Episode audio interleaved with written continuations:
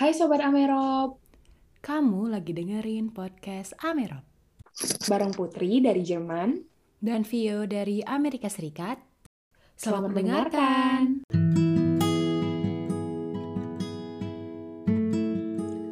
Hai Sobat Amerop, ketemu lagi bareng kita ada Vio dari Amerika Serikat dan Putri dari Jerman di podcast Amerop edisi Explore the Atlantic. Yeay. Oke, hari ini kita bakal kedatangan tamu spesial banget yaitu ada Kak Michael Mayer yang merupakan Ketua PPI Swiss dan Liechtenstein dan ada Kak Naufal Fauzan Fahmi yang merupakan Ketua PPI Kuba yang akan menjadi narasumber kita di Explore the Atlantic edisi hari ini. Yeay! Yeay, kayak bakal seru banget ya Put kayaknya nih. Kayaknya nih, daripada kita penasaran nih Vi, kayaknya kita langsung mulai aja nih ya. Dari mana Boleh, dulunya boleh, asiknya Vi? boleh, Kita mulai boleh. Vi. Eh, Mungkin dari Tetangga dulu deh. boleh, ya, dari boleh, boleh, negara boleh. tetangga aku boleh ya. Oke. Eh, kita mulai perkenalan dulu dari Kak Michael Mayer nih. Boleh tahu dong Kak, eh, sekarang lagi kuliah di jurusan apa, terus di kampus mana, sama boleh kayaknya kenalan tipis-tipis gitu ya. Silakan Kak. Halo semuanya, halo Putri, halo eh, Vio. Makasih banget udah dikasih kesempatan buat datang hari ini jadi tamu di podcast Amerop. Eh, perkenalkan, namaku Michael Mayer atau Michael, mau dipanggil Michael atau Michael sama aja. Eh, aku sekarang lagi kuliah di Swiss, eh, tepatnya di kota Bux, di kota di Kanton St. Gallen. Aku kuliah di kampus namanya eh, Ostschweizer Fachhochschule atau eh, kalau bahasa Inggrisnya Eastern uh, Eastern Switzerland University of Applied Science. Nah, aku aslinya kalau dari Indo aku aslinya dari Surabaya. Jadi kalau ada area-area Surabaya silakan kalau mau kenalan. Wah, oke oke oke.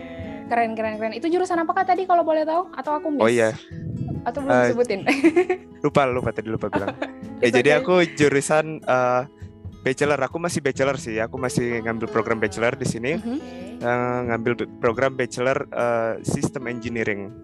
Jadi Oh, System Engineering itu ya. semacam eh, mungkin ini jurusan yang nggak ada di Indonesia sebenarnya. Jadi itu adalah semacam mungkin bisa dibilang mekantronik tapi dengan tambahan kalau mekan mekantronik kan cuma mekanik dan elektronik. Kalau ini adalah meka- eh, mekanik, elektronik dan informatik dijadi satu gitu. Oh, oke. Wow, sip, kayaknya berat ya, banget ya, ya, ya. Put itu dari namanya. Didengar-dengar iya, mm, apalagi eh, pemilihan universitasnya ada pemilihan universitas yang lebih ke teknis gitu kayak yang kayak Fachhochschule gitu ya.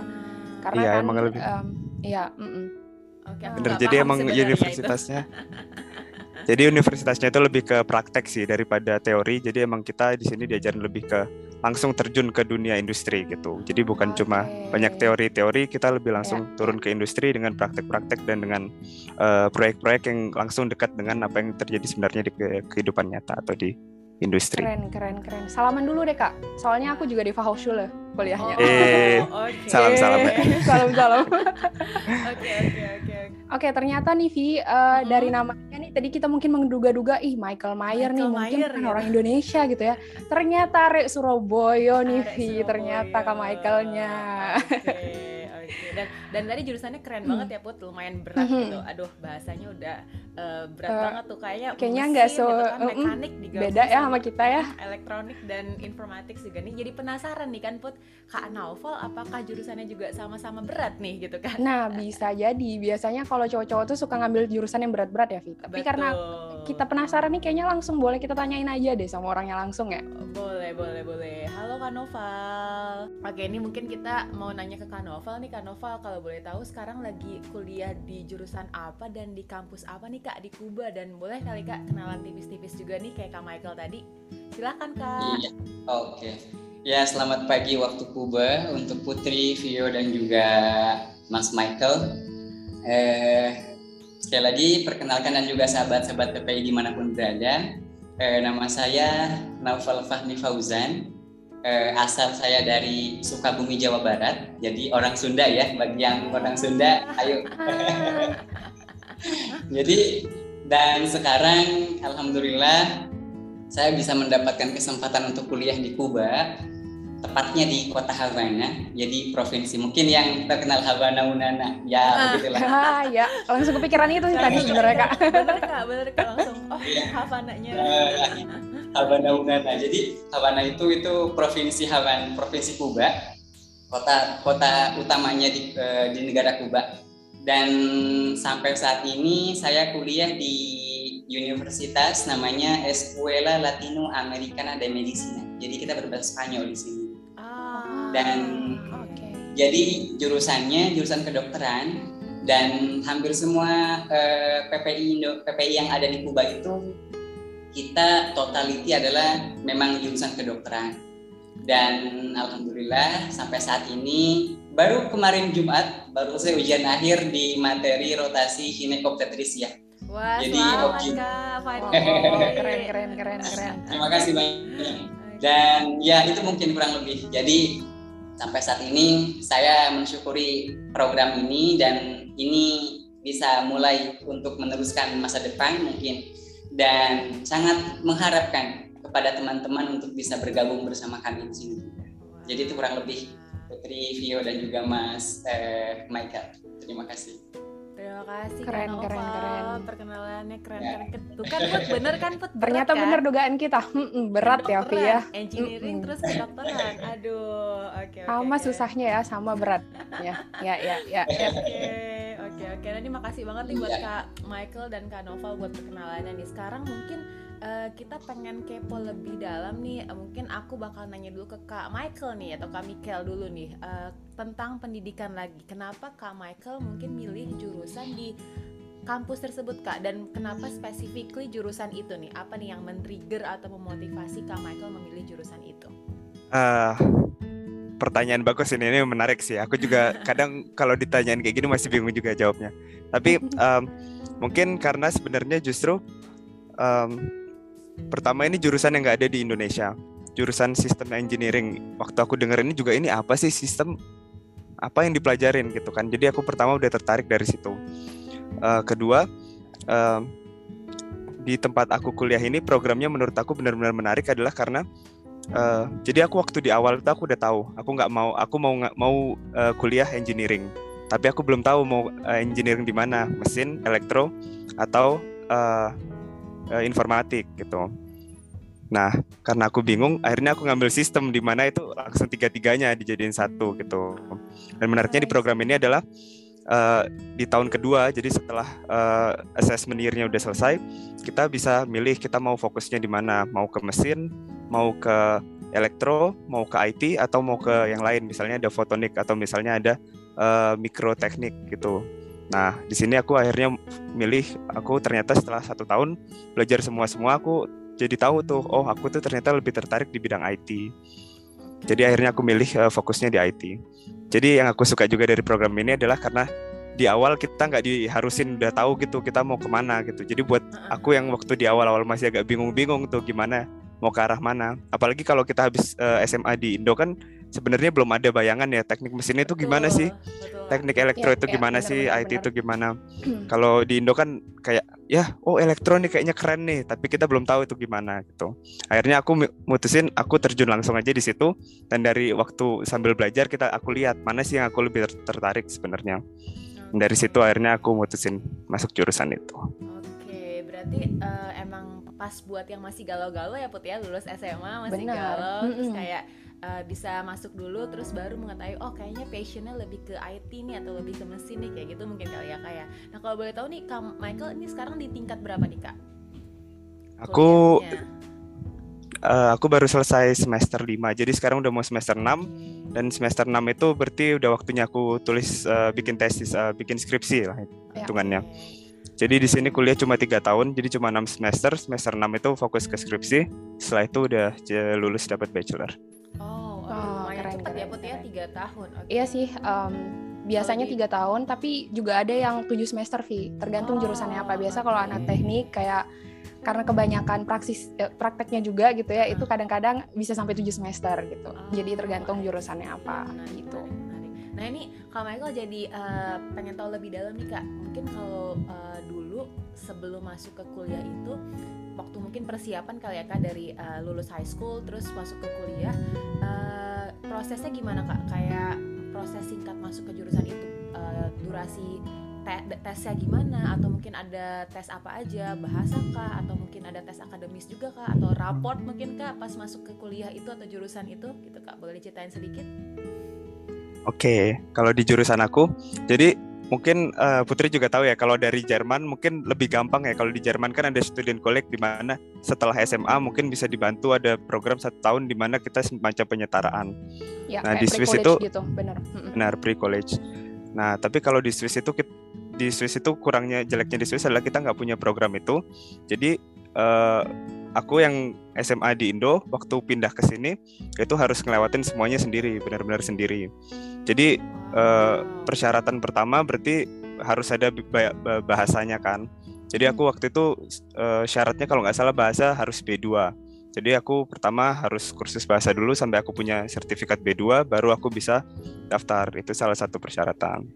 Eh, persyaratan kedua tentu nilai sih. Kalau di sini nilainya sebenarnya eh, standar kalau nggak salah harus IPA. Kalau mau masuk engineering harus IPA dan nilai rata-rata harus di atas 7. Jadi itu bukan bukan sesuatu yang susah banget kalau masalah nilai. Eh, sama yang ketiga adalah karena ini University of Applied Science, jadi diharuskan udah punya eh, praktek. Jadi bukan cuma punya model eh, sekolah aja, punya high school aja atau punya gelar SMA aja, tapi harus punya praktek. Jadi di situ aku kemarin yang harus aku jalanin adalah sebelum aku bisa mulai kuliah, aku harus magang dulu selama satu tahun. Jadi itu program internship Wow. di mana aku fokusin itu ke eh, kerja praktek. Jadi cari-cari pengalaman tentang jurusan yang mau aku datangin. Misalnya eh, praktek di bidang mekanik atau misalnya praktek di elektronik atau misalnya praktek di IT. Jadi mungkin kurangnya di sini adalah akhirnya prosesnya jadi lebih lama. Jadi eh, aku kemarin spend satu tahun cuma untuk bahasa. sa- Setelah itu harus satu tahun magang. Jadi minimal dua tahun supaya bisa masuk eh, kuliah, Masuk ke uninya gitu ya. masuk ke uninya. Be- tapi by the, by the way kak, itu berarti kalau satu tahun em, terserah di, jurusan apa aja atau harus eh, tadi kan kayak sistem engineering kan mencakup eh, IT misalnya, terus mencakup eh, yang lain-lain juga. Itu tempat magangnya harus umum, boleh umum atau harus ke spesifikasi dari tiga bidang yang disebutin tadi, kalau boleh tahu. Eh, kalau magangnya, yang jelas magangnya harus ke arah teknik di antara eh, mesin, eh, elektro atau IT. Tapi eh, kampus juga ngebantu sih sebenarnya. Jadi kampus eh, sebenarnya kampusnya malah aktif nyariin tempat Tempat internship, magang. tempat magang buat Ah, buat oke. murid-muridnya. Nice, Jadi nice. Ya, ya. dan eh, magang di sini tuh nggak cuma-cuma. Jadi bukan kita disuruh magang satu tahun tapi kita nggak dibayar. Justru kita waktu magang kita juga dibayar. Padahal itu kita yang butuh magangnya kan eh, ah, hitungannya tapi kita tetap dibayar buat buat magang di situ. Jadi emang prosesnya panjang tapi di tengah-tengah itu tetap dapat uang juga. Ini Ya. bisa jadi gambaran juga kali ya Put buat teman-teman sobat Amera pagi dengerin eh, di rumah mungkin kepikiran pengen kuliah di Swiss dan specifically pengen kuliah diambil jurusan di engineering gitu. Ternyata persiapannya emang makan waktu tapi worth it sih ya Worth it, benar, Karena benar, benar. eh, Ya. menurutku magangnya juga sangat-sangat berguna dong pastinya buat perkuliahan dan nanti setelah graduation Setelah benar-benar. Jadi Gitu. kayak penuh ntar CV-nya gitu ya, ya. Betul, betul. Nah, satu pertanyaan lagi nih buat Kak Michael nih Kak. Eh, sejauh ini nih Kak sudah masuk semester 5 mau mulai ke tesis nih semester terakhir juga. Gimana kesan berkuliah di jurusan ini nih Kak? Mungkin bisa bisa di compare sama sistem sekolah di Indo mungkin sedikit Kak gimana nih Kak kalau boleh tahu?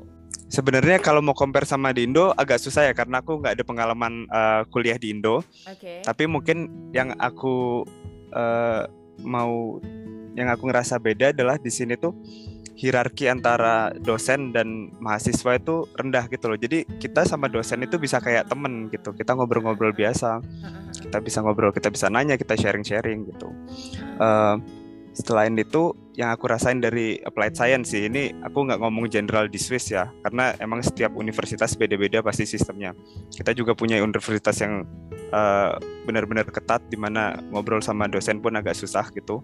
Tapi kalau di misalnya di tempat aku, eh, karena eh, kelas-kelasnya pun kecil, jadi kita satu kelas 20 orang dan itu kayak personal banget sama dosennya kita bisa ngobrol, kita dekat.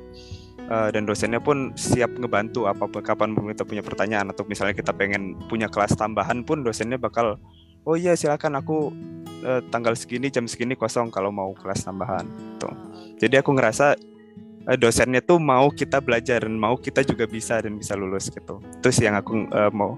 Dan dosennya emang nge-provide juga ya, Kak, memfasilitasi juga gitu dengan aktif juga, nggak yang kayak kita yang harus reach out dengan maksimal tapi mereka juga jadi ada interaksi antara dosen dan mahasiswa. Keren sih. Keren keren keren keren keren. Oke terima kasih nih kak Michael uh, ceritanya tentang berkuliah di Swiss. Nah mungkin sekarang asiknya kita lanjut kali ya. Jadi kepo juga nih put. Cerita tentang kuliah di Kuba gimana nih put? Coba mungkin bisa dikepoin kak Novel nih put.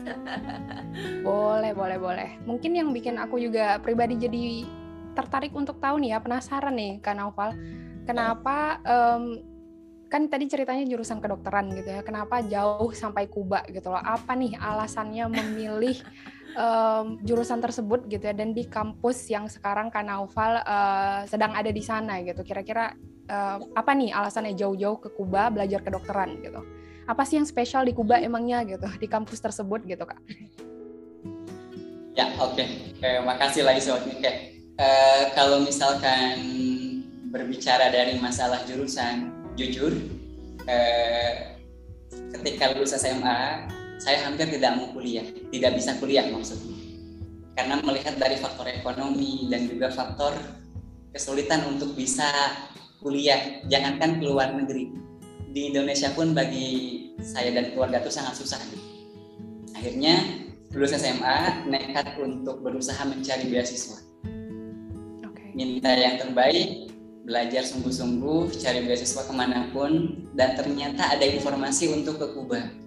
Pada masa itu, eh, saya tidak pernah memikirkan seperti apa Kuba, nggak tahu, tidak tahu Spanyol sama sekali, dan seperti apa kultur di Kuba. Yang jelas ini adalah beasiswa dan kedokteran. Okay. Mm-hmm. Ya sudah, Bismillah, mulai ikut eh, program ujian di Indonesia itu kita dulu ada ujian tesnya itu di RSCM di Jakarta mm-hmm. RCM dan berbasis dengan UI. Jadi kita mengikuti soal-soal simak UI di situ.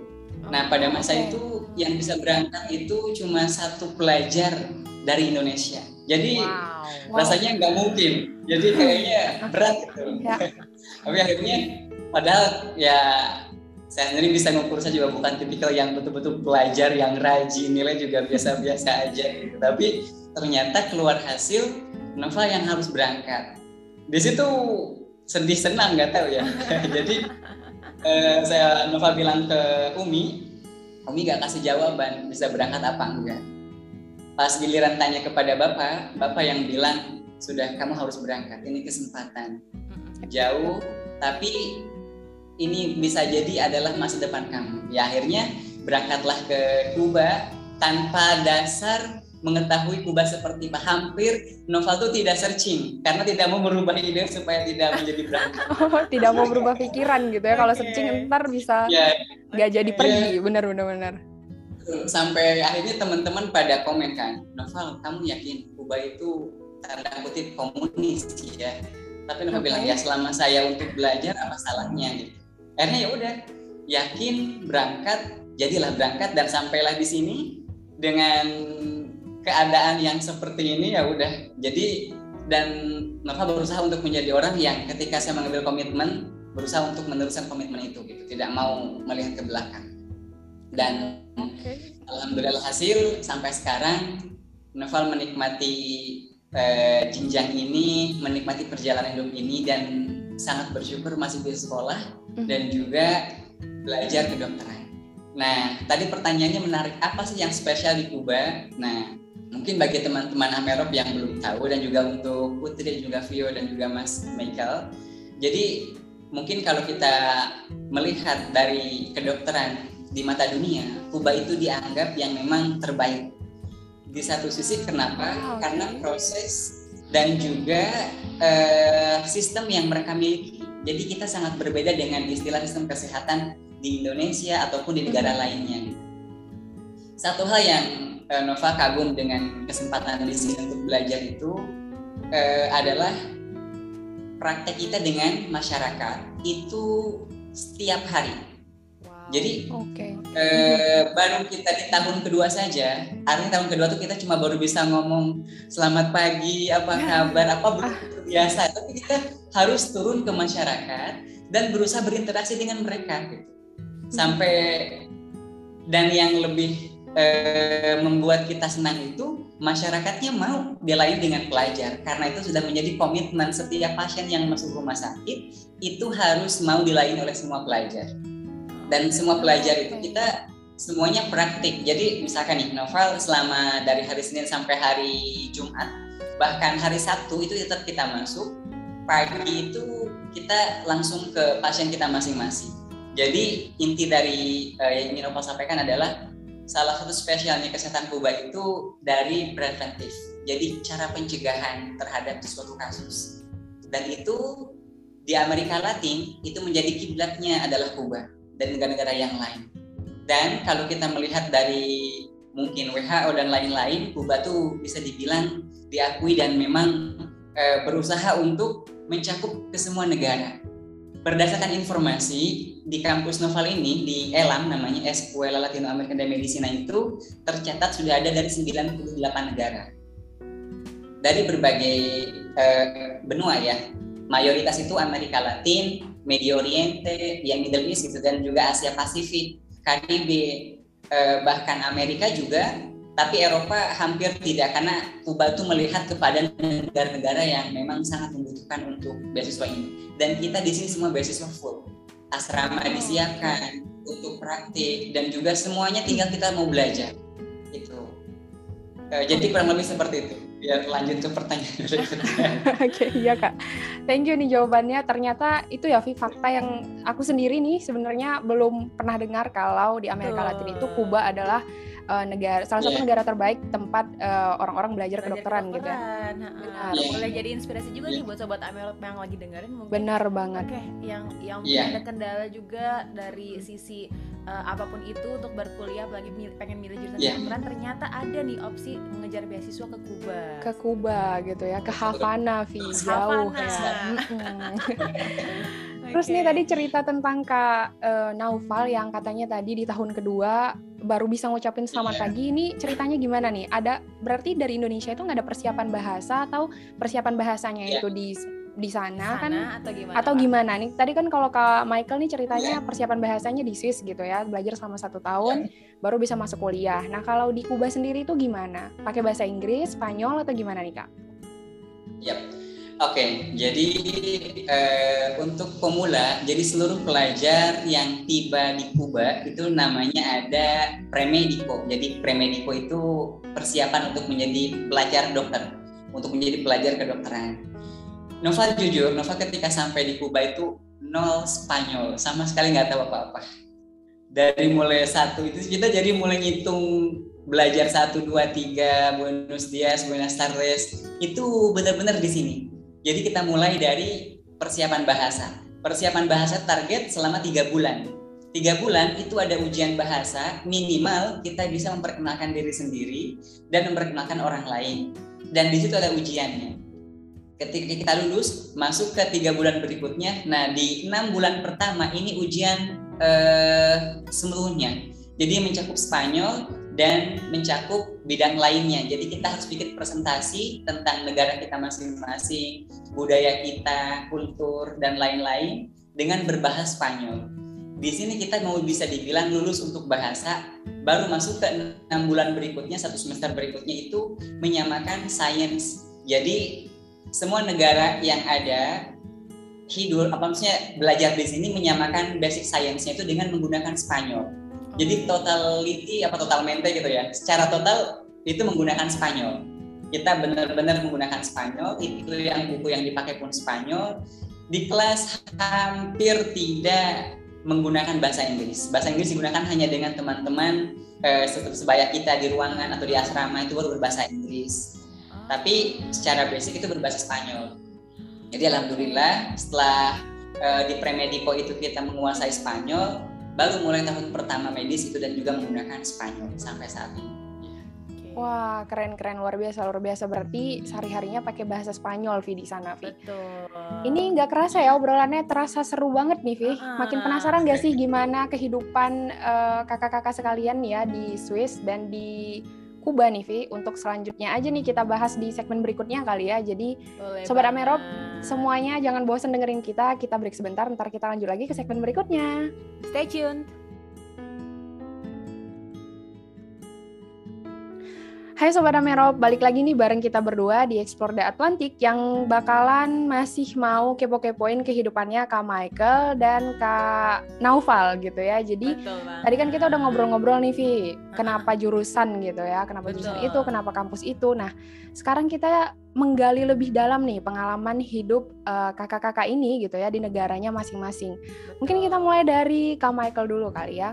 Tadi kan Kak Michael udah nyebutin nih Kak, kenapa memilih Swiss untuk jurusan kuliah dan kenapa sih harus Swiss gitu? Karena kan kita tahu Swiss itu negara yang lumayan mahal untuk ditinggali gitu ya, Betul, apalagi di betul. Eropa gitu ya.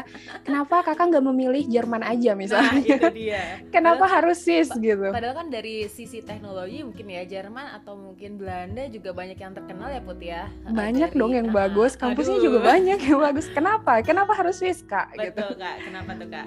Mungkin boleh diceritain ke sobat Amerop juga. Ya, makasih pertanyaannya sebenarnya. Sebenarnya alasan aku simple sih, em, karena emang sebenarnya keluarga aku dari sini. Jadi Oh, Papa aku itu orang Swiss, oke. dan mama aku dulu kuliah di Swiss juga gitu. Jadi emang dari awal emang keluarga aku emang keluarga orang Swiss gitu kan. Dan emang sekarang papa dan mama juga tinggal di Swiss gitu. Jadi waktu itu aku emang nggak mikirin buat ke negara lain sih. Waktu itu pilihan aku cuma antara stay di Indo atau pindah ke Swiss karena Ah, alasan oke. keluarga yang Oke. Ya, Eh, ya, ya. sebenarnya gitu sih. Tapi mau itu aja mau nambahin aja buat teman-teman yang misalnya di Indo bukan berarti kalau misalnya mau kuliah ke Swiss itu harus punya keluarga di Swiss ya. Karena di sini ada 80 eh, mahasiswa kok yang yang di sini dan ya, nggak ada sebenarnya yang punya keluarga di Swiss kecuali aku sih sebenarnya. Jadi emang Ah, eh, maksudnya ada jalannya juga gitu. Bukan bukan cuma gara-gara ada Hmm. keluarga aja yang di sini gitu. Pokoknya nggak menutup kemungkinan untuk sobat Amerop semua yang ada di mana pun nih kayak untuk kuliah di Swiss cuma karena nggak punya keluarga di Swiss. Berarti kita semua nih sobat Amerop kalau mau bisa sekarang pindah ke Swiss kuliah gitu ya. Benar-benar. Oke, oke. Oke, nah jadi nih Kak, karena tadi ceritanya Kak Michael ini punya background karena keluarganya udah di sana. Jadi gimana nih persiapan pas dari Indo pertama kali mau ke Swiss? Atau pas kuliah itu kan biasanya kalau misalnya kita dari Indo gitu ya, pergi ke Eropa, ke benua yang sama sekali belum pernah kita kunjungi nih. Kalau pengalaman aku gitu ya, kita bawa misalnya sambal-sambalan lah dari Indonesia atau apalah makanan yang Atau mungkin kalau Putri ini ya Put ya kayak mencoba tuh? kepoin tentang eh, suhu atau Ah, iklim di benar benar benar. Ya, terus ya. antisipasi nanti gimana persiapannya dan lain sebagainya. Nah ini mungkin Kak Michael kira-kira ada nggak nih persiapan khusus ya Put ya? Mhm. Untuk per- keberangkatan pertama gitu Kak. Kalau untuk per- keberangkatan sebenarnya menurut aku yang paling penting itu punya basic bahasanya sih. Itu sebenarnya basic mau ke negara mana pun Mhm. menurut aku itu paling paling baik. Mungkin nggak harus bisa ngobrol juga, maksudnya bisa at least ngomong selamat pagi, selamat malam, bisa ngitung 1 sampai 10 atau mungkin bisa pesen kopi di satu restoran gitu. Karena itu hal yang penting banget dan esensial banget buat apalagi kalau berangkat sendirian ke sat- salah satu negara. Cuma kalau di Swiss sebenarnya eh, bahasa Inggris pun sudah lumayan eh, terbuka gitu. Mereka orang-orang sini juga terbuka sama bahasa Inggris jadi itu kurang masalah tapi lebih baik kalau bisa bahasa lokalnya. Terus kalau untuk iklim ya persiapannya pasti bawa jaket yang tebel sih. Eh, tergantung tergantung musim juga yang pasti. Tapi kalau kalau waktu itu aku datang musim panas jadi santai-santai aja tapi tetap bawa jaket yang tebel. Mhm. karena Swiss juga suhunya nggak terlalu ekstrim sih. Cuma eh, kalau winter juga bakal bisa dingin Eh, kalau makanan kalau aku kan kemarin bedanya emang ada keluarga sih ya jadi aku nggak terlalu musingin makanan. Mama juga bikin Eh, eh. sambal di rumah gitu. Ah, Enak sih kalau ini ya. Ini emang agak spesial sih tapi Iya, iya, iya, iya. buat temen-temen tapi mungkin yang aku mau tambahin menurut aku yang paling bagus adalah kontak eh, PPI sih. Itu salah satu persiapan yang paling Hmm, ya, penting Benar-benar. Karena- PPI itu sebenarnya sangat ngebantu banget. Mungkin Mas Novel nanti juga bisa nambahin kayak PPI itu benar-benar eh, bakal ngebantu semuanya. Kayak misalnya kita di Swiss kita punya seminar pra keberangkatan namanya di mana kita jelasin ke teman-teman yang mau berangkat apa sih programnya gitu apa sih yang harus dilakuin atau d- dan di seminar itu kita juga bareng-bareng sama KBRI gitu. Jadi ada eh, Pensosbud dan fungsi eh, eh, protokoler dan eh, eh, fungsi protokoler di eh, dan keimigrasian kalau nggak salah di di KBRI juga ikut ada di situ dan ngasih informasi. Bahkan ada sambutan dari Pak Dubes juga yang ngasih semangat juga buat teman-temannya gitu.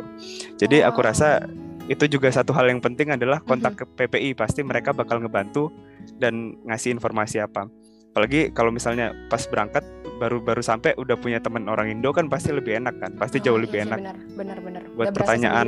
gitu ya. Benar.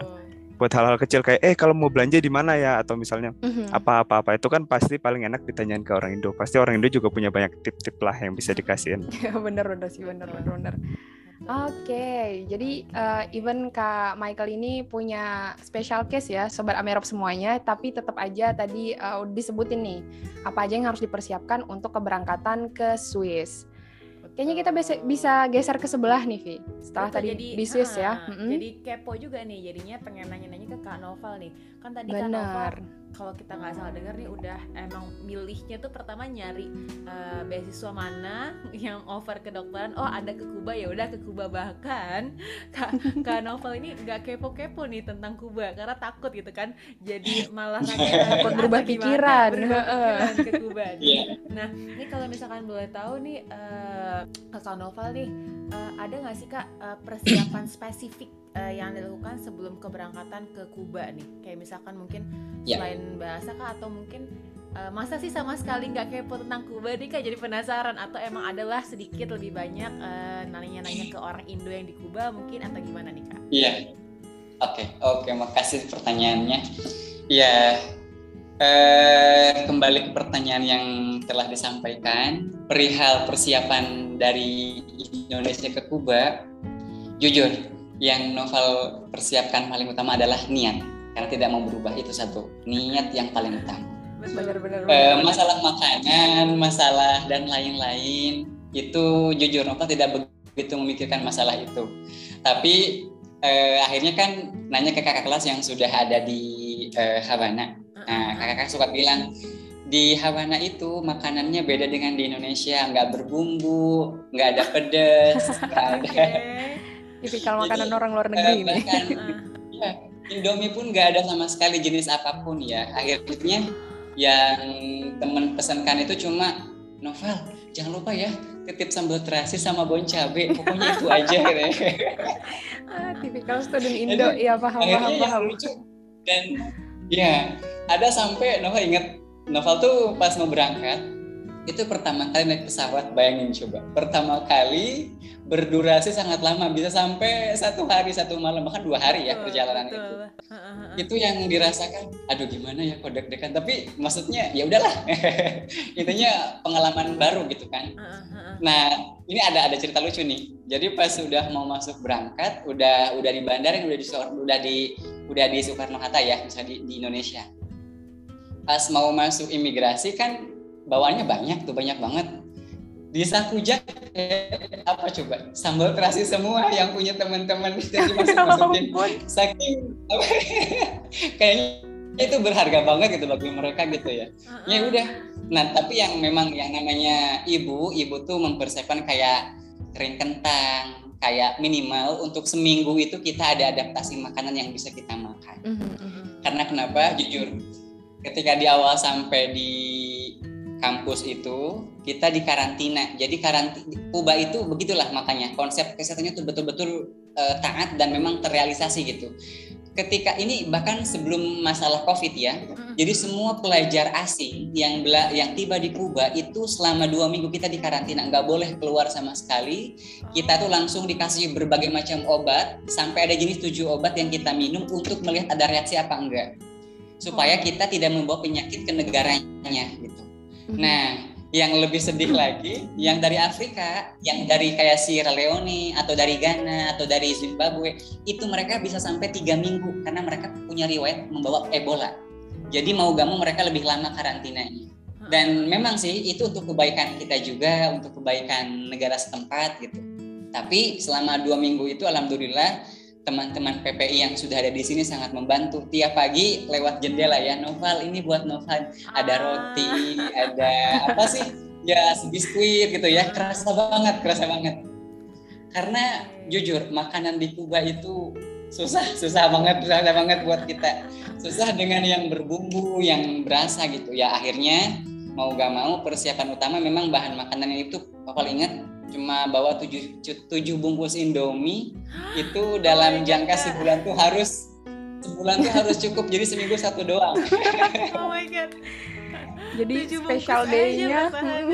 Kayaknya aku pertama Iya. kali ke US bawanya lumayan banyak loh kak. Kayak aku se, se 12 lebih bawanya Indomie Iya. semua. karena karena sebenarnya yang dibawa itu karena kan jatah koper cuma dua nih Oh iya. koper cuma betul, dua, betul, betul. itu benar-benar mencari apa nih yang paling penting apa nih yang paling betul-betul bermanfaat. Jadi ya bahasa kasarnya ya pokoknya saya niatnya untuk belajar bukan untuk foya-foya bukan untuk liburan bukan Setuju. untuk bermewah-mewah tapi ini untuk belajar. Jadi kita prioritaskan mana yang sebenarnya lebih penting gitu dan eh, pertanyaan kalau dikaitkan dengan masalah suhu di Kuba alhamdulillahnya di Kuba itu tropikal jadi kita cuma ada panas dan Ah, ya. biasa Ya, ya. jadi musim adem-adem dingin gitulah ya. sama kayak di Indonesia gitu. Jadi Mhm. tidak harus terlalu repot membawa jaket atau persiapan dengan adanya winter dan lain-lain. Tapi di satu sisi ya ketika sampai pas turun keluar dari bandaranya Kuba ada pohon kelapa. Ah, kok kayak di Indonesia ya? ya udah Balik berarti Indo sama gitu. aja berarti. Iya, jadi nggak begitu shock lah kalau dari iklim ya. Mhm. Oke. Cuma yang memang terasa betul-betul shock culture tuh memang kebiasaan. Cara berpakaian, kemudian melihat orang yang sedikit lebih terbuka. Aduh itu nggak terbiasa awal-awal. Tapi ke sini-kesini ya mau gak mau kita itu pandangan setiap hari kan. Ya mau gak mau kita yang harus bisa kontrol diri, membatasi diri sampai di mana kita dan itu mungkin. Jadi intinya adalah persiapan yang paling utama adalah niat jangan sampai tergoyahkan dengan orang lain, lingkungan, atau misalkan orang-orang yang memang dekat dengan kita selama kita punya komitmen yang jelas apa yang mau kita tuju dan mau ke mana kita, insya Allah semuanya ada jalan dan tidak usah khawatir. Betul, betul. Wah, terima kasih banyak nih Kak Novel sangat-sangat inspiring jawabannya dan Ini ya, ya. ngasih pengalaman juga buat uh, gambaran buat sobat Amirep yang lagi Iya. dengerin di rumah. Jadi oh, Kuba itu mirip-mirip Indonesia tuh suhunya. Berarti nggak usah winter betul, coat ya. betul sekali. Betul Benar. sekali. Oke, Dan mungkin oke, bisa juga mengambil pelajaran, oh jangan bawa Indomie cuma tujuh tapi banyakin lagi gitu. Oke, Siap, siap. Betul, betul, betul. Oke, nah ini Iya, masih, iya. masih pengen kepoin ke Kak Noval nih Kak. Nah tadi kan Kak Noval udah cerita tentang persiapan sebelum berangkat. Nah ini setelah uh, udah menetap di Kuba, uh, Iya. boleh nggak Kak diberi gambaran nih ke kita kayak teknis range pengeluaran per bulan tuh mencakup apa aja sih Kak kira-kira dan uh, kalau misalkan mungkin bisa di uh, kita ilustrasikan ke rupiah gitu sebesar apa sih Kak? Jadi biar sobat Amer di Oke. rumah itu punya gambaran di Kuba tuh semahal apa sih kayak gitu Kak? Boleh dong Kak kita Iya, poin. oke. Iya, iya. Om, untuk tempat tinggal, untuk tempat tinggal sebenarnya kita sudah disiapkan asrama. Hanya saja, jadi kita eh, untuk beasiswa kedokteran ini itu full, nggak ada yang harus kita bayar sama sekali, nggak ada. Karena eh, mungkin atas dasar negara Kuba sendiri ya. Jadi di sini tuh pendidikan, kesehatan itu dua hal yang wajib bagi penduduk setempat dan itu gratis semuanya. Operasi semahal apa pun itu nggak dibayar. Itu termasuk kita pelajar. Jadi dari mulai buku yang kita pakai kemudian materi-materi dosen semua itu udah disiapkan. Bahkan kadaver mayat pun untuk ujian itu sudah disiapkan. Nggak harus kita cari-cari nggak harus bayar. Ya tapi keadaannya biasa aja. Jadi asramanya ya sekedar cukup untuk tidur. Mhm. Hmm, kasurnya tuh yang lepek banget novel aku eh, kasurnya yang sederhana ranjangnya yang atas bawah terus air di jam kadang air itu cuma ada dari jam 7 pagi sampai jam 10 nanti ada lagi jam 6 sore sampai jam 8 malam. Jadi, Ah. dan Jatah makanan ya. makan ya dan makan itu dijatah. Jadi kita sedih kadang ya. Mas sedih tuh piringnya itu kayak piring di penjara gitu loh yang kotak besi gitu. jadi ada gitu. nasi Oke, ada oke. buah. jadi tapi kita kita fun kita fun karena memang semua sama semua sama.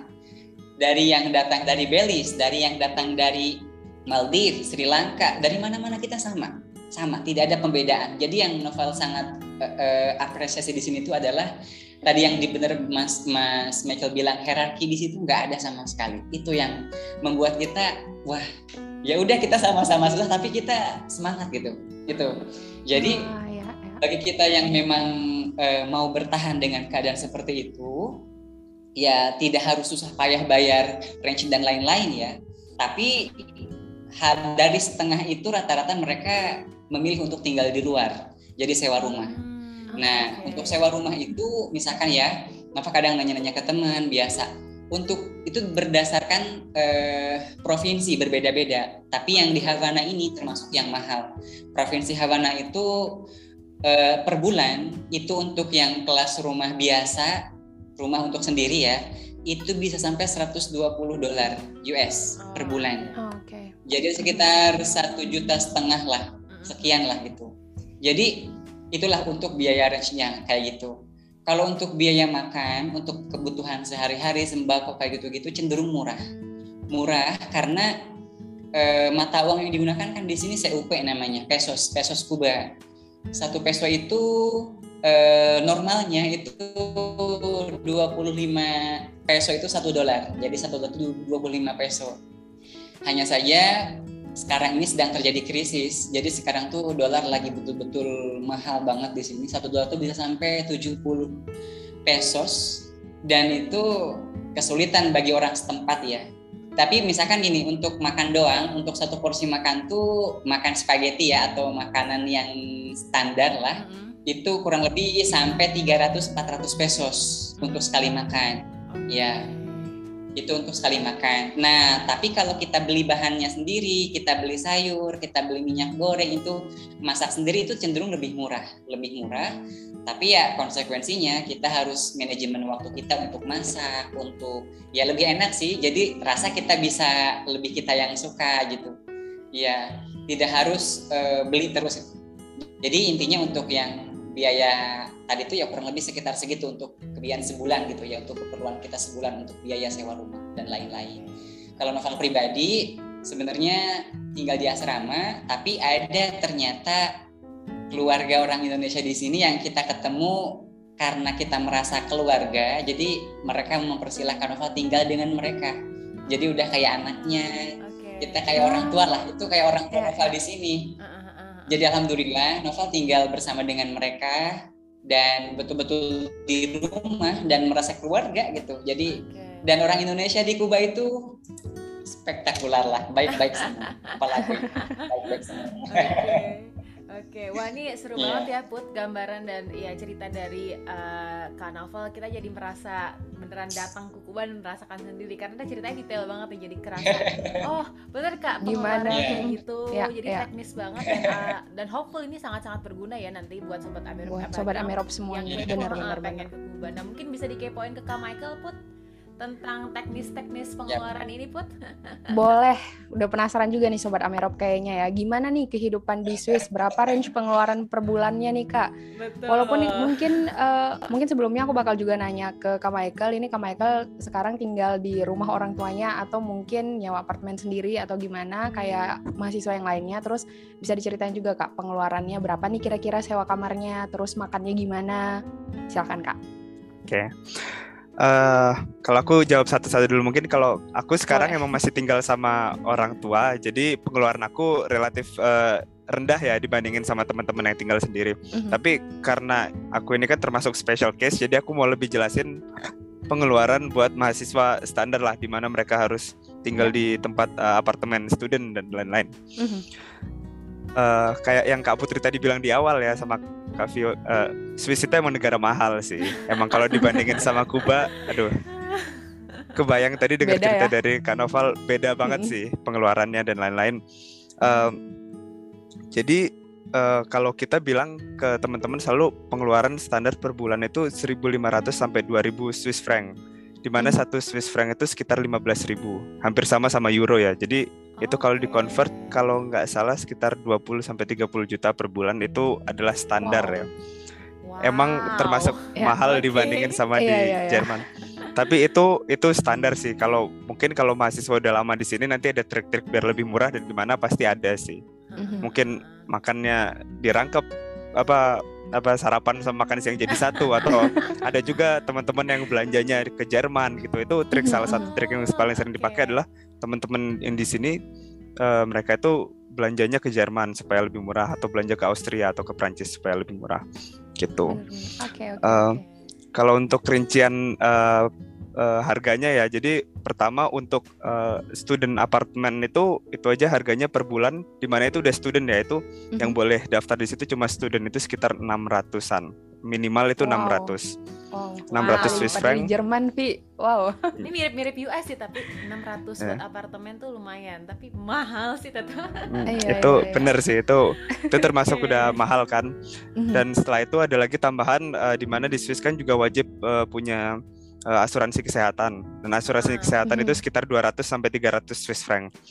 Jadi okay. di sini udah kebayang untuk uh, pengeluaran yang tiap bulan pasti aja itu udah hampir seribu sendiri kan. Mm-hmm. Belum ditambah nanti uh, uang kuliah itu sekitar uh, kurang lebih seribu satu semester. Jadi mungkin itu termasuk murah ya kalau di, uh, bisa disamain sama di Indo lah satu semester 15 jutaan itu standar. Uh, tapi yang mahal lagi adalah keperluan sehari-hari buat makan, keperluan buat tiket dan lain-lain. Yang ya itu makanya kita bisa bilang 700 sampai 1000 lagi untuk per bulannya. Jadi makanya pengeluaran di sini bisa 1500 sampai 2000. Tapi jangan takut teman-teman ya. Karena emang banyak trik-triknya. Nanti makanya aku nggak mungkin bisa jelasin semua semuanya karena emang trik-triknya juga spesifik tiap kota. Misalnya kalau misalnya ke kota ah. Zurich oh itu murahnya belanja di sini gimana gimana? Ah, iya, itu ya, makanya kita di PPI juga punya namanya regional officer di mana di kota-kota di mana okay, banyak mahasiswa okay. kita ada mm -hmm. ada teman-teman dari PPI juga mahasiswa yang udah pengalaman di sini lah udah tahu tuh pastikan trik-triknya. Oh kalau belanja ke sini kalau okay. ya kalau ke universitas beli tiketnya gimana? Yang satu bulan atau yang satu tahun gimana? Biar lebih murah. Itu kan pasti ada lah masing-masing. Ah, kalau mau jalan-jalan gimana hmm. tiketnya biar murah itu ada. Makanya kita punya program namanya regional officer itu di mana teman-teman dari kota itu sendiri yang lebih spesifik uh, ngasih tahu ngasih tahu trik-triknya gimana. Okay. tapi ya untuk range harga ya itulah. Kalau general aku bisa bilang 1.500 sampai 2.000 Swiss franc per bulan. Sekitar 20 sampai 30 juta. Wow, Nih, itu Mm-mm. itu lumayan sih lumayan ya buat Banget jadi ya. jadi kepo aku nih ke kak Meka kalau boleh tahu kak eh, rata-rata kayak misalkan student yang lagi ngambil master atau PhD di sana itu tuh self funded atau ya pakai pakai uang sendiri atau biasanya dapat scholarship kak kalau di sana kalau di sini uh, kalau program sebenarnya bisa dibilang hampir 50-50 sih yang dapat oh. beasiswa sama yang nggak dapat beasiswa. Mm-hmm. Kalau beasiswa kebanyakan biasanya dari LPDP, banyak juga yang ngirim ke Swiss mm-hmm. atau juga banyak juga beasiswa-beasiswa antara beasiswa dari sekolah itu sendiri atau beasiswa dari uh, uh, organisasi-organisasi. Itu banyak sih. Tapi kalau misalnya kayak jurusan perhotelan atau jurusan masak yang emang kulineri lah yang emang terkenal di Swiss, mm-hmm. itu emang jurusan yang bisa kita bilang itu jurusan yang mahal ya. okay. Dan itu kebanyakan emang bayar sendiri. Tapi emang harganya jauh lebih tinggi lagi sih itu kalau untuk yang masalah perhotelan dan uh, kulineri gitu. lebih mahal lagi. Ya, ya. Kak, aku penasaran juga nih. Tadi kan ceritanya ada tips dan trik. Aku sering dengar sih kalau anak-anak dari Swiss sering belanja ke perbatasan ya, either itu di Prancis, Austria atau Seru Jerman ya, karena lebih murah. Jalan belanja aja pindah negara ya. Bisa Wah, jadi pindah negara kan ya, itu di yang buat penasaran tapi ini nih Kak. Uh, tadi kan uh, Kak Michael bilang kalau ada triknya misalnya mau pakai apa ya? Um, apa sih alat transportasi sehari-hari itu kan uh-huh. harus beli tiket yang per semester atau per tahun. Nah, emangnya nih uang semester kuliahnya itu nggak include nggak include uh, semester tiket. Oh, Soalnya kan iya, kalau di Jerman nih kak, kalau kita bayar semester tiket itu eh kalau kita bayar semester kuliah itu include gitu loh sama semester tiketnya. Apakah di Swiss tidak seperti itu atau gimana nih? Enggak sih, itu kurangnya di Swiss emang kayak buat okay, mahasiswa okay. pemerintahnya nggak kasihan-kasihan gitu sih. Jadi mereka ya udahlah kalian bayar sendiri aja buat transport aduh nggak ada rasa kasihan oke ya udahlah bayar sendiri tapi gitu ya. mungkin uh, kalau nggak salah mungkin ada diskon sih untuk beberapa beberapa mm-hmm. tiket ya kalau misalnya beli yang satu tahun kalau bisa nunjukin student card mungkin ada diskon atau gimana okay. gitu iya iya iya, iya. emang tetap ada sih, tetap dibantu sedikit-sedikit, tapi kalau harganya sih bakal tetap mahal. Mm-hmm. Jadi di sini mahasiswa-mahasiswa juga banyak yang pakai transportasi uh, sendiri ya, menaik sepeda atau jalan kaki, cari mm-hmm. apartemen yang dekat-dekat untuk yeah. hemat biaya transportasi itu. Itu tips dan triknya tadi ya untuk meminimalisir hmm. pengeluaran mungkin. Benar-benar. Oke, wah seru banget nih Vi obrolan kita ya. Berbanding banget. terbalik tadi yang kayak kontras banget Iya, gitu ya. kontras banget. Jadi seru Mm-mm. nih bintang tamu atau tamu spesial hari ini beneran bisa uh, nge-represent pengalaman yang sangat-sangat bertolak belakang ya. Banget banget banget. Masih penasaran? Ini ini apa pasangannya cocok banget ya. Yang satu kayak di atas langit, yang satu kayak di bawah banget gitu.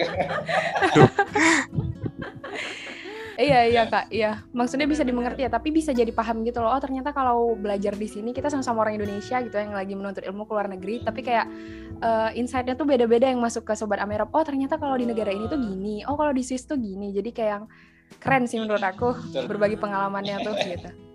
Benar. Iya. Nah, Vi, pasti penasaran kan? Ini baru, ini masih ada nih, Vi, bagian yang paling serunya ya, yang biasanya ditunggu-tunggu Sobat Amerop juga, di mana kita bakal ngebahas lebih lanjut cerita tentang kehidupan alias nano-nano dan asam manis pahitnya tinggal di negara eh, Swiss dan Kuba. Tapi dari ini ya, dari kedua narasumber kita, tapi setelah ini, Vi. Jadi jangan ke mana-mana untuk Sobat Amerop, tetap stay tune bareng kita berdua di Podcast Amerop edisi Ekspor di Atlantik. Nah, Sobat Amerop, tadi kan kita udah diceritain nih sama kakak-kakak, sama Kak Naufal dan Kak Michael cerita tentang teknis kehidupan di negara Kuba dan di negara Swiss gitu ya. Nah, Betul. untuk selanjutnya nih kayaknya kita mau cerita-cerita tentang nano-nanonya kakak-kakak ini berdua gitu ya, tentang kehidupan dan kemudahan dan kesulitan gitu ya di Betul. hidup di Swiss dan hidup di Kuba versi Kak Michael dan versi Kak Naufal juga. Betul. Mungkin ini juga termasuk em, kesulitan kemudahan me- manajemen waktu kali ya, Vi, karena mereka Ah. juga sebagai orang-orang penting di negara-negara tersebut ya. penting di banget dan di- PPI perwakilannya Mm-mm. uh, pelajar Indonesia di negara tersebut gitu kan. Benar, mungkin aja kesulitan dan kemudahannya itu jadi lebih nano-nano gitu karena ka- karena kakak-kakak ini merangkap sebagai ketua PPI. Jadi mungkin boleh Kak dari Kak Michael mungkin diceritain apa sih asam manis pahitnya tinggal di Swiss gitu ya dan termasuk jadi eh, ketua PPI-nya gitu. Gimana cara membagi waktunya gitu Kak? Oke. Jadi aku jawab dulu asam manisnya ya. Mungkin dari enak dan Boleh. gak enaknya dulu nih. boleh Kalau boleh. dari enaknya tinggal di Swiss sih, pertama Swiss itu negara modern ya. Kelihatan banget mungkin kalau sama Jerman sih mungkin sama ya. Apa jelas negara Eropa negara modern. Kedua Swiss itu negaranya teratur dan bersih. Jadi di sini benar-benar Banget, enak ya. sih semuanya teratur dan bersih. Bahkan kalau kita orang Swiss kalau misalnya kita ngelihat ke Italia atau ke Jerman aja itu udah kayak kayak negaranya nggak kok kok nggak teratur Wah, banget ya sih, dibandingin nggak sama Swiss. sih? Iya. Segitu ya. Emang percaya Wah. percaya karena- percaya. Oke. standarnya emang tinggi sih di sini. Terus eh, eh, pemandangannya juga bagus banget ya. Kalau teman-teman pernah itu lihat sih. Swiss Iya di sih. YouTube YouTube itu emang negaranya bagus banget di mana pegunungnya pegunungannya ada, danau-danaunya Mhm. ada. Bahkan film-film pun juga eh, tay- apa syutingnya di sini gitu kan. Jadi emang kalau emang mau liburan walaupun weekend pun kalau cuma naik naik kereta dua jam tiga jam kita udah bisa ke tempat yang benar-benar bagus. Instagram Instagramable banget lah tempat-tempatnya itu iya. Setuju. Jadi itu emang bagus-bagusnya kalau di Swiss.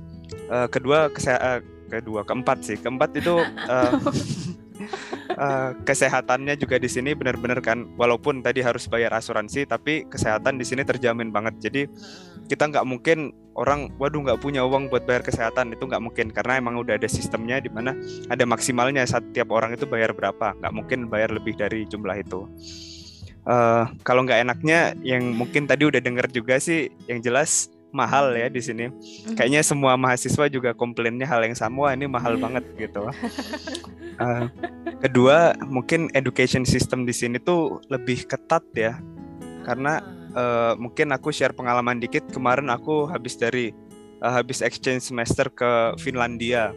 Finlandia eh, sistem edukasi paling bagus kan. Mhm. Emang makanya aku ke sana dan emang di sana tuh lebih santai gitu dibandingin sama Swiss yang benar-benar ketat dan berat. Oh, Oke oke oke. Eh, itu sih. Terus mungkin ketiga eh, Swiss kan negara kecil. Jadi eh, orang-orang di sini juga masih banyak orang-orang yang agak tertutup sama orang-orang luar gitu. Karena emang orang Swiss kan lebih yang kayak wah kita ini negara paling bagus kita orangnya apa negara paling bagus emang orang Swiss yang paling bagus Mhm. orang-orang luar udah keluar aja dari Swiss itu masih ada Wah. orang-orang yang mindsetnya kayak Oh, gitu Oke, Oke. kayak nggak begitu welcome dengan pendatang gitu ya kak? Iya Ah, tapi oke. semakin lama maksudnya itu kebanyakan emang Mhm. generasi-generasi yang sebelumnya ya Ka- Ya, kalau yang anak-anak muda sudah pasti Ya. lebih terbuka dan lebih ya. lebih enak Lebih open gitu minded gitu. Mhm. lebih open minded pasti Bener, bener.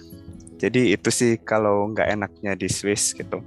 Terus kalau misalnya sebagai ketua PPI untuk pembagian waktu eh, sampai sekarang sih alhamdulillah lancar ya karena Mhm. eh, sebenarnya PPI ini bukan organisasi yang memakan waktu sih. PPI ini kan lebih kayak ke hobi ya. Eh, bisa dibilang hobi juga salah sih. Hobi. Maksudnya lebih ke Maksudnya ini organisasi di mana tujuan kita kan kita mau membantu orang gitu. Kayak Jadi kalau orang. Betul, betul. Mm-mm. Benar, Jadi kita benar, benar. bukan kita nggak diharuskan kerja banyak juga tapi tiap tiap yang kita lakukan kita tahu kita tuh ngebantu orang gitu. Jadi kalau eh, hal-hal kayak gitu aku rasa itu tuh ngeringanin gitu. Karena kita tahu tujuan kita adalah ngebantu orang.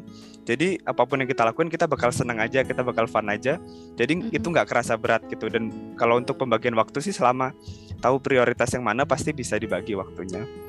Itu sih Berarti pengalaman jadi ketua PPI ini masuk yang eh, manisnya atau yang pahitnya nih kak? oh kalau waduh ini menjebak ini kayaknya kalau salah jawab bisa-bisa Bahaya nih kayaknya. Bahaya nih. Nggak, tapi tetap yang manis sih karena yang PPI ini juga tempat buat networking ya sebenarnya. Yang paling aku senang dari PPI adalah kita kenal banyak banget orang baru. Sekarang hari ini aja kenal Kak Vio, Kak Putri sama Kak Noval di satu hari gitu kan. Mhm. Dan apalagi PPI DK Amerop ini kan apa besar juga gitu. Banyak beberapa negara jadi kita kenal juga Benar. sama ketua PPI PPI negara lain. Jadi aku rasa networkingnya adalah hal positif yang bisa kita dapetin dari PPI sih. Nggak cuma ke negara lain, tapi di dalam Swiss sendiri pun kita jadi Mhm. kenal banyak teman-teman yang mahasiswa PhD, mahasiswa master. Apalagi mahasiswa-mahasiswa gitu kan, siapa tahu ke depannya mereka jadi orang sukses ya.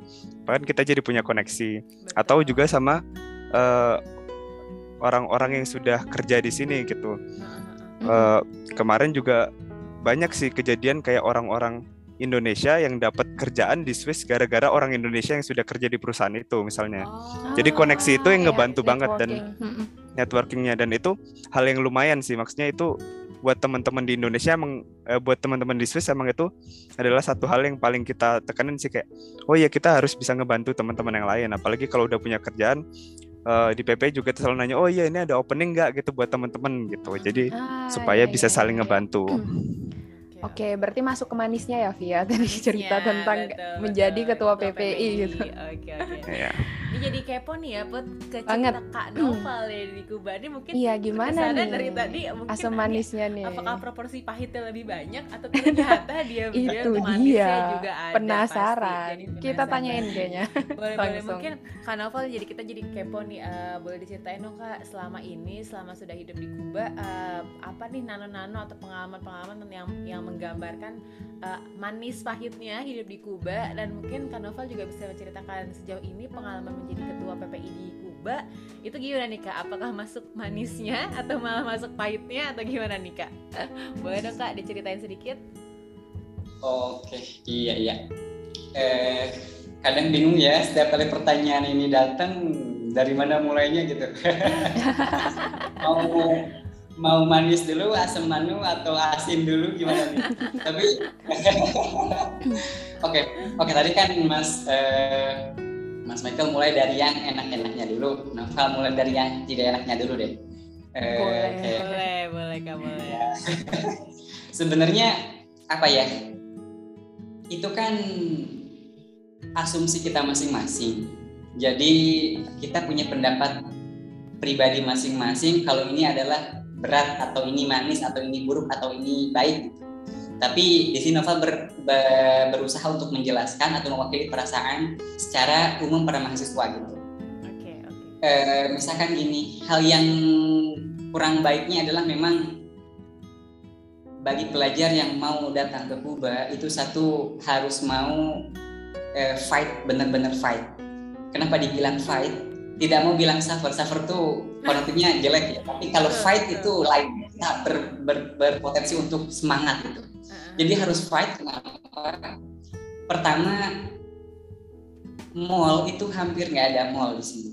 apa jujur ya tempat belanja main itu nggak ada eh, yang ada tuh kota-kota tua klasik dan lebih di nuansa Spanyol gitu itu di Havananya eh, dan kemudian yang susahnya itu adalah memang eh, lifestyle ya jadi Hmm. di sini tuh adalah mode hidup yang memang luar biasa sederhana gitu.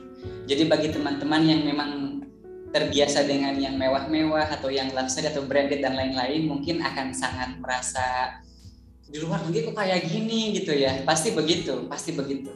Tetapi ya memang adanya seperti itu. Justru di sini itulah yang mungkin memang bagi teman-teman mungkin sulitnya ya. Kemudian sulit juga di bidang masalah edukasi pendidikan Hmm. yang tadi bilang Mas eh, Mas Michael juga memang sangat eh, apa ya eh, ketat. Di sini tuh kita khususnya pelajar kedokteran, apalagi yang berbeasiswa, ketatnya bukan main. Kita harus tetap berseragam setiap hari, berseragam. Tidak boleh pakai baju bebas. Kita harus pakai berseragam. Seragamnya itu jas putih dan celana biru SMP kalau di Indonesia ya. Jadi itu seragam kita. Masuk kelas nggak pakai seragam nggak dibolehin masuk. Telat cuma tiga menit nggak boleh masuk. Mhm. Oh, wow. Jadi Wow. udah kejar-kejar nih. Jadi udah masuk depan pintu, gurunya udah berdiri kan. Kayak udah kreng, bel masuk, bel bunyi, semua murid yang di dalam sudah masuk berdiri, gurunya bilang, Cierra la puerta de fuera. Jadi tutup pintu dari luar.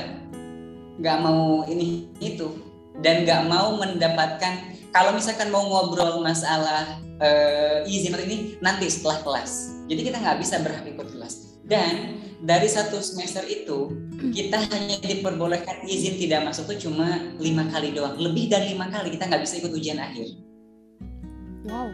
dengan alasan apa pun. Mhm. Kalau misalkan kita sakit harus ada catatan surat kesehatan dokternya. Kalau kita benar-benar dicek dan kita ada kalau kita sakit. Dan itu mungkin yang membuat anak-anak di sini mau gak mau kita harus fight gitu. Iya. Kalau kamu begitu aja ya nggak bisa gitu. Memang untuk adaptasinya sulit banget. Novel akui, Novel banyak nangis di awal-awal. Ah. Nangis karena merasa eh kok gini ya. Bukan ngeluh ya, tapi kayak gimana apalagi ketika saya belum bisa berbicara bahasa Spanyol. Ya. Sulit banget, sulit banget. Mhm. Pernah ada pengalaman satu pertanyaan mau mau ujian nih.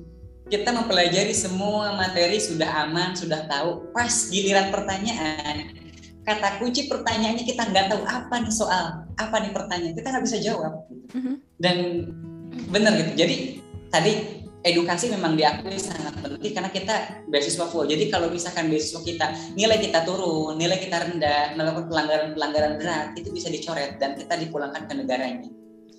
Pelanggaran paling berat adalah ketika hamil di luar nikah. Artinya mereka hamil di tengah perjalanan sekolah.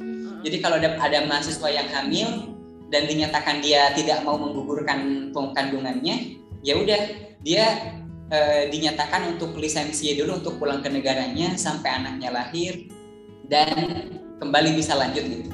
Tapi itu tadi sulitnya adalah lebih ke lifestyle, edukasinya juga memang cenderung yang benar-benar. Jadi nggak bisa yang manja-manja mau kayak tadi tinggal di asrama, semuanya dijatah oleh waktu dan lain-lain gitu.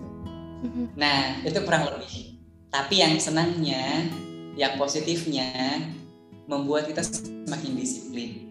Disiplin waktu, menghargai banyak orang dan mau hidup dengan penuh kesederhanaan. Itu satu. Sederhana dalam artian bukan berarti kita hambur-hambur uang, bukan kayak kita ngirit-ngirit, enggak.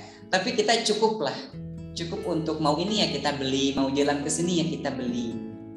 Dan salah satu aset paling utama di Kuba itu adalah turis. Jadi pantai-pantainya luar biasa indah, banyak banget tempat-tempat lokasi yang menarik gitu.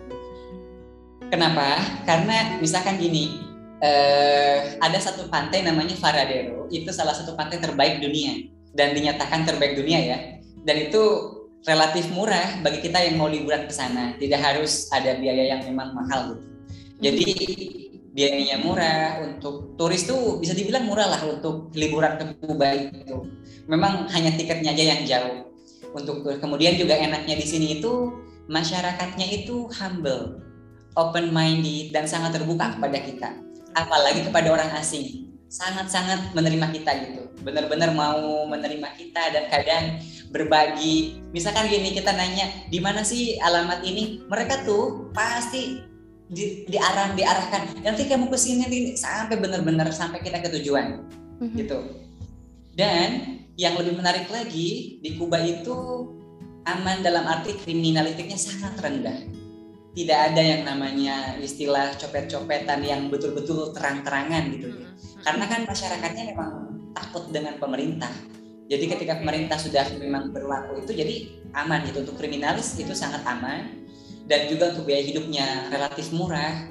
Dan juga ya yang positifnya itu di sini kita bisa mengambil banyak pelajaran hidup seperti apa kita kesederhanaan berbagi dengan sesama dan saling untuk membantu satu sama lain. Itu sih yang paling utama. Nah kembali kalau misalkan dibagi waktu dengan masalah PPI eh, sebagai ketua PPI gitu.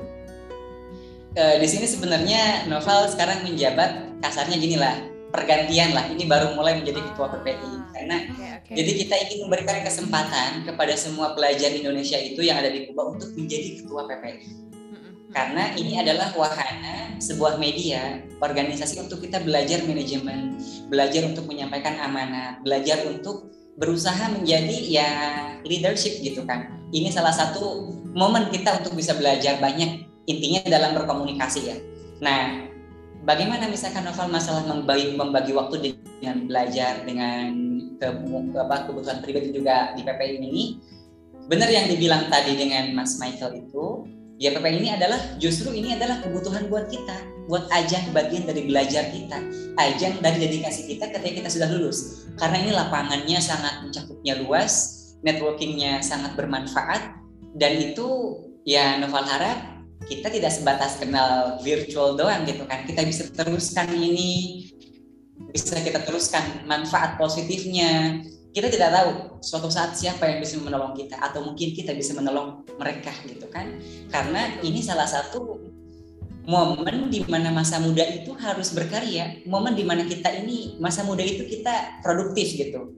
Karena Ingat, kita akan tua, kita akan kembali ke negara kita masing-masing, kita akan berumah tangga dan nikmatilah enjoy masa muda kita dengan banyak relasi, perbanyak pengalaman ya dengan PPI ini sangat-sangat menjadi wadah yang sangat sesuai dengan yang kita butuhkan saat ini gitu. Jadi sebenarnya PPI ini bagi Novel adalah betul-betul pengalaman manis bukan pengalaman yang manis ya bahkan lebih double gitu ya. sangat sangat manis. Itu ya, kurang ya. lebih ya. Oke. Okay. okay. Ya kurang lebih uh, nano-nanonya diubah. Tapi lagi-lagi adalah berasumsi kepada opsi kita masing-masing. Kembali ke niat kita, tujuan kita. Selama kita berusaha untuk menjadikan zona yang menurut orang adalah itu ekstrim, tapi kita menjadikan itu adalah tempat nyaman kita, menjadikan istana kita itu tenang aja gitu gak ada masalah gak ada masalah sama sekali oke okay, makasih banyak terima kasih yeah. terima kasih banyak kak Nova. Wah keren banget ya menarik ya. Menarik menarik, menarik ya pengalaman tadi mm. dari kak mm -hmm. Michael dan kak Nova juga uh, tentang uh, nano-nano kehidupan di Swiss dan di Kuba. Benar banget. Jadi eh, nggak uh, nggak sadar nih ya Vi setelah cerita tentang nano-nano tadi ternyata kita udah masuk segmen terakhir nih Vi di mana eh, kakak-kakak ya dari Kak Michael mungkin perwakilan PPI Swiss dan uh, Liechtenstein dan Kak Naufal juga mungkin untuk uh, memberi pesan gini untuk uh, apa ya para mahasiswa yang di Indonesia yang mungkin pengen lanjut uh, kuliah atau studinya ke luar negeri khususnya mungkin dari Kak Michael untuk ke teman-teman yang dari Indonesia, sobat Amerop yang mau ke Swiss, Betul. dan um, sobat Amerop yang lain-lain juga yang pengen ke Kuba. Mungkin boleh kita mulai dari siapa ya, Vi? Dari Kak Michael dulu mungkin ya. Apa nih pesannya Kak? Oke, okay. buat teman buat teman-teman yang mau ke Indo ya. Eh, mau eh, ke Swiss, ke sorry. Swiss. buat teman-teman yang mau ke Swiss, uh, sebenarnya gini, uh, yang kayak aku bilang tadi perjalanan kalau mau kuliah di Swiss itu pasti agak panjang lebih panjang dari ke negara lain dan uh, uh, di Swiss juga uh, pelajarannya lumayan susah gitu. Jadi menurut aku yang pertama adalah aku percaya kalau uh, semua orang itu punya waktunya masing-masing untuk mereka sukses, untuk mereka jadi uh, uh, pokoknya semua orang dapat kesempatan masing-masing lah buat jadi sukses. Nah, aku, jadi aku cuma mengingatkan teman-teman aja, kalian pasti ada waktunya masing-masing sih. Jadi kalau kalian lihat teman-teman kalian udah sukses duluan atau gimana, itu jangan bukan berarti, wah aku nggak bisa nih, aku gagal nih. Tapi hmm. pasti aku yakin teman-teman juga pasti punya waktunya masing-masing. Itu sih. Terus kedua mungkin buat general sih buat ke luar negeri ya. Kalau semua teman-teman yang keluar negeri mungkin Mas Novel juga bisa nambahin atau Kak Putri sama Kak Vio. Uh, untuk kalau orang keluar negeri itu pasti harus punya open minded sih. Karena kita nggak bisa nih punya pikiran yang tertutup kayak kita waktu di Indo gitu. Dan justru dengan kita keluar negeri itu kita tuh ngelihat dunia dari sisi lain kan. Kita ngelihat dunia dari sisi lain kita ngelihat gimana sih cara dunia itu bekerja juga dari mungkin dari Eropa mungkin dari Amerika atau mungkin juga dari uh, ya dari benua-benua lainnya. Jadi tetap keep open minded aja. Uh, di sini budayanya juga beda uh, orang-orangnya juga beda, bahasanya beda, tapi kita juga sama-sama manusia dan nggak uh, ada bukan berarti kita uh, harus ke, tetap kekeh kita mau jadi kayak kita di Indonesia. Mm-hmm. Oke, betul betul oh, betul. Ya, ya, ya. Setuju. Luar biasa, luar, luar biasa, biasa pesannya ya. Untuk sobat Amel. Tadi uh, pesan dari Kak Michael khususnya buat yang awal tadi uh, masing-masing punya waktunya Benar. sendiri ya. Jadi kita ya. jangan ya. overthinking atau insecure justru ngeliat banget, pencapaian banget, orang lain justru harapannya bisa jadi motivasi gitu ya Put ya. Benar, benar. Iya, setuju. Nah, itu tadi versi Kak Michael nih, Vi. Sekarang kita tanyain ke Naufal, apa nih pesannya untuk para mahasiswa Indonesia yang pengen lanjut ke luar negeri, kuliah gitu misalnya ya, khususnya ke Kuba, Kak Naufal. Silahkan pesannya. Terima kasih lagi Mbak Putri dan Mbak Vio. Eh, sebelum ke pesan utama, apa ya? Novel yang menyampaikan pesan general untuk seluruh pelajar di mana pun berada. Sahabat Amero, PPI di mana pun berada, juga para pelajar mahasiswa yang ada di Indonesia. Satu hal yang paling penting bagi kita para pemuda adalah memanfaatkan waktu yang sebaik-baiknya karena masa muda kita akan kita tinggalkan, masa tua akan datang dan ini adalah kesempatan besar kita buat berkarya gitu supaya kita punya cerita kepada anak-anak kita, kepada keluarga kita gitu. Karena sesungguhnya kemampuan dan keilmuan seseorang itu dilihat dari pengalaman dia, bukan di mana dia tinggal tingkat berapa gitu. Karena sebenarnya sukses sendiri itu kan belum tentu bisa dibilang sukses ketika dibilang sudah ke luar negeri. Betul, itu betul. tidak hanya saja probabilitas lebih tingginya adalah untuk bisa ke luar negeri itu banyak kesempatan untuk bisa lebih sukses. Hanya saja teman-teman yang di Indonesia justru lebih banyak kesempatan untuk melebihi kita kita di sini dan untuk bisa melebihi berkarya daripada yang lain dan karena itu semua mungkin tidak ada yang tidak mungkin itu jadi pesan utamanya adalah hargai waktu. Jangan sampai kita sia-siakan.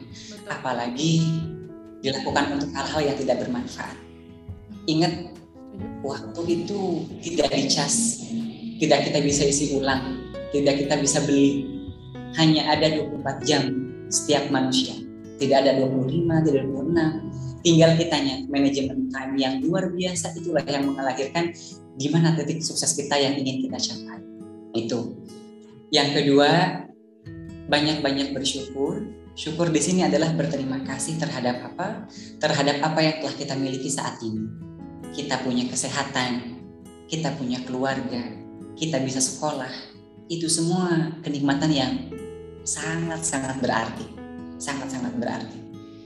Dari situ dengan syukur, dibarengi dengan menghargai waktu yang singgi dan gigih timbul rasa untuk sampai kita mencapai di mana ingin titik sukses kita.